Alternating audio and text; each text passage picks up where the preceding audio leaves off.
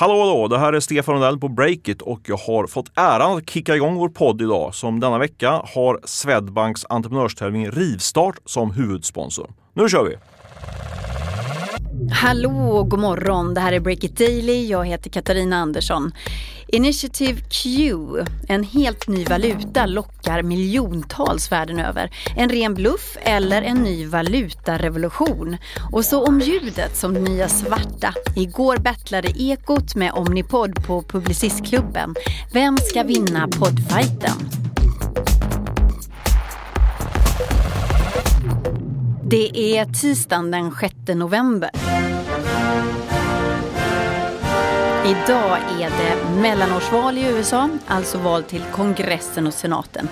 I San Francisco röstar man dessutom om en extra skatt på techföretagen. En skatt som ska gå till hemlösa.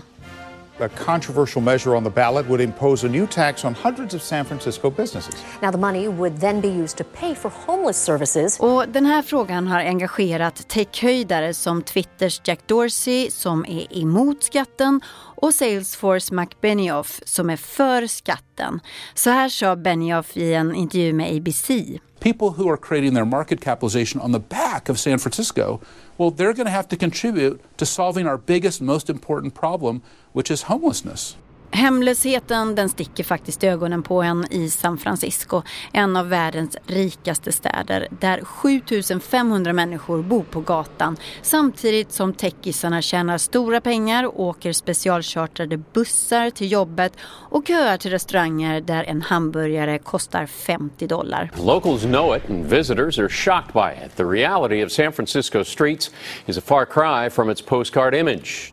Den extra skatten på en halv procent för techföretagen skulle dra in uppemot 3 miljarder kronor öronmärkta till att göra livet bättre för hemlösa i San Francisco. Men kritikerna menar att det finns risk för att företagen flyttar ifrån San Francisco om hemlöshetsskatten införs.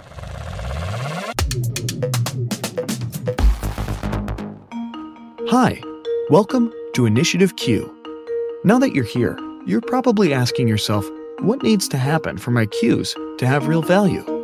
En helt ny valuta med namnet Q har seglat upp på ekonomihimlen. På bara fyra månader så har tre miljoner människor världen över hakat på Q-valutan.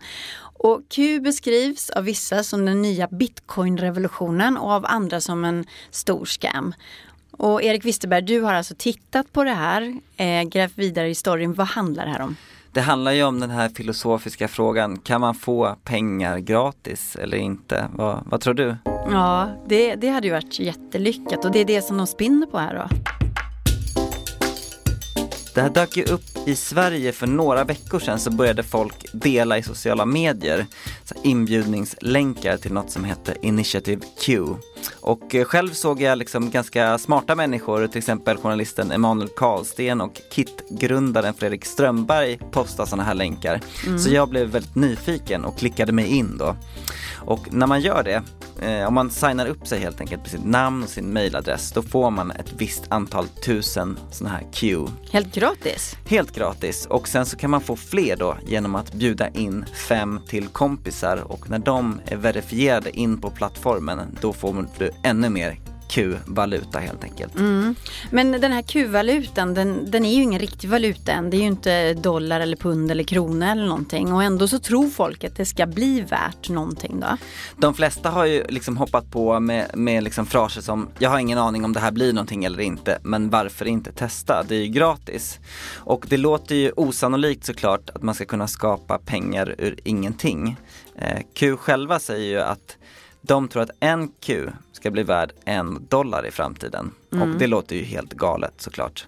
Men eh, eftersom smarta människor ändå hoppar på det här så måste det vara någonting med, med själva Q-initiativet som drar. Vem är det som ligger bakom? Det är en israelisk entreprenör som heter Sar Wilf. Eh, han grundade ett bolag som sen såldes till Paypal för över 100 miljoner dollar. Så det är ju en tung kille sådär. Mm. Och det är det som används för att ge det här projektet eh, trovärdighet. Att det är en Paypal guy som står bakom det. Men varför säger den här grundaren att de vill skapa en helt ny valuta?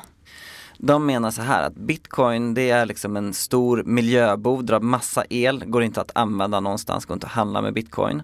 De vanliga betalningsindustriella komplexet är dyrt och gammalt och ineffektivt. Och genom att skapa en global digital valuta som du kan ha i mobilen, typ som Apple Pay, fast mm -hmm. utan banker så kan man liksom sänka kostnaden för globala transaktioner. Men de som menar att det här är en stor scam, hur resonerar de då? Naturally, most people would suspect a link promising free rewards. It may remind them of a pyramid scheme. de som hoppar på, de säger att det är gratis och det går inte att förlora någonting på det. Därför är det inget pyramidspel eller en bluff. Sen så finns det ju de som tänker att om man samlar in e-postadresser och namn eh, och lösenord till liksom miljoner människor som är väldigt sugna på att hoppa på en sån här liksom get rich fast grej. För det är det som man måste betala med, sin e-postadress och ja, ett lösenord. Precis, mm. det är mm. det man får skriva in. Då kan man bygga en väldigt stor databas över personer som kanske är lätta att lura eller som är väldigt intresserade av möjlighet att bli rik. Mm. Och en sån databas kan bli värd pengar. Vad spännande och, att Emanuel Karlsten är med bland dem då, våran egen skribent. Ja, och jag är också med där nu. Så att, eh, men jag, jag tror att de flesta tänker nog att det är ganska ofarligt att testa för en själv som individ. Det värsta som kan hända det är att ja, ens, ens e-postadress eh, utnyttjas. Thanks again for joining Initiative Q. Together we can make this happen. Welcome to the future of payments. Men handen på hjärtat Erik, alltså att, att du ska då bli rik på ingenting. Det finns ju inte några pengar i det här än. Men du tror ändå att det finns en liten, liten möjlighet att det kanske kan bli värt någonting i framtiden? Ja, men det här är ju så klassiskt liksom fear of missing out läge där man tänker att Tänk om du hade fått höra 2009 om den här liksom, eh, mystiska japanska pseudonymen Satoshi Nakamoto som hade uppfunnit något som heter bitcoin och så hade du chansen att få liksom 100 bitcoin gratis och mm. du sa bara nej men det där är ju bara trams, vilken bluff liksom. Och det finns ju en sån liksom spänning i det här och jag tror att det är därför folk eh, väljer att ändå skriva upp sig då. Mm. Lycka till Erik, hoppas att du blir riktigt rik. Ja, tack.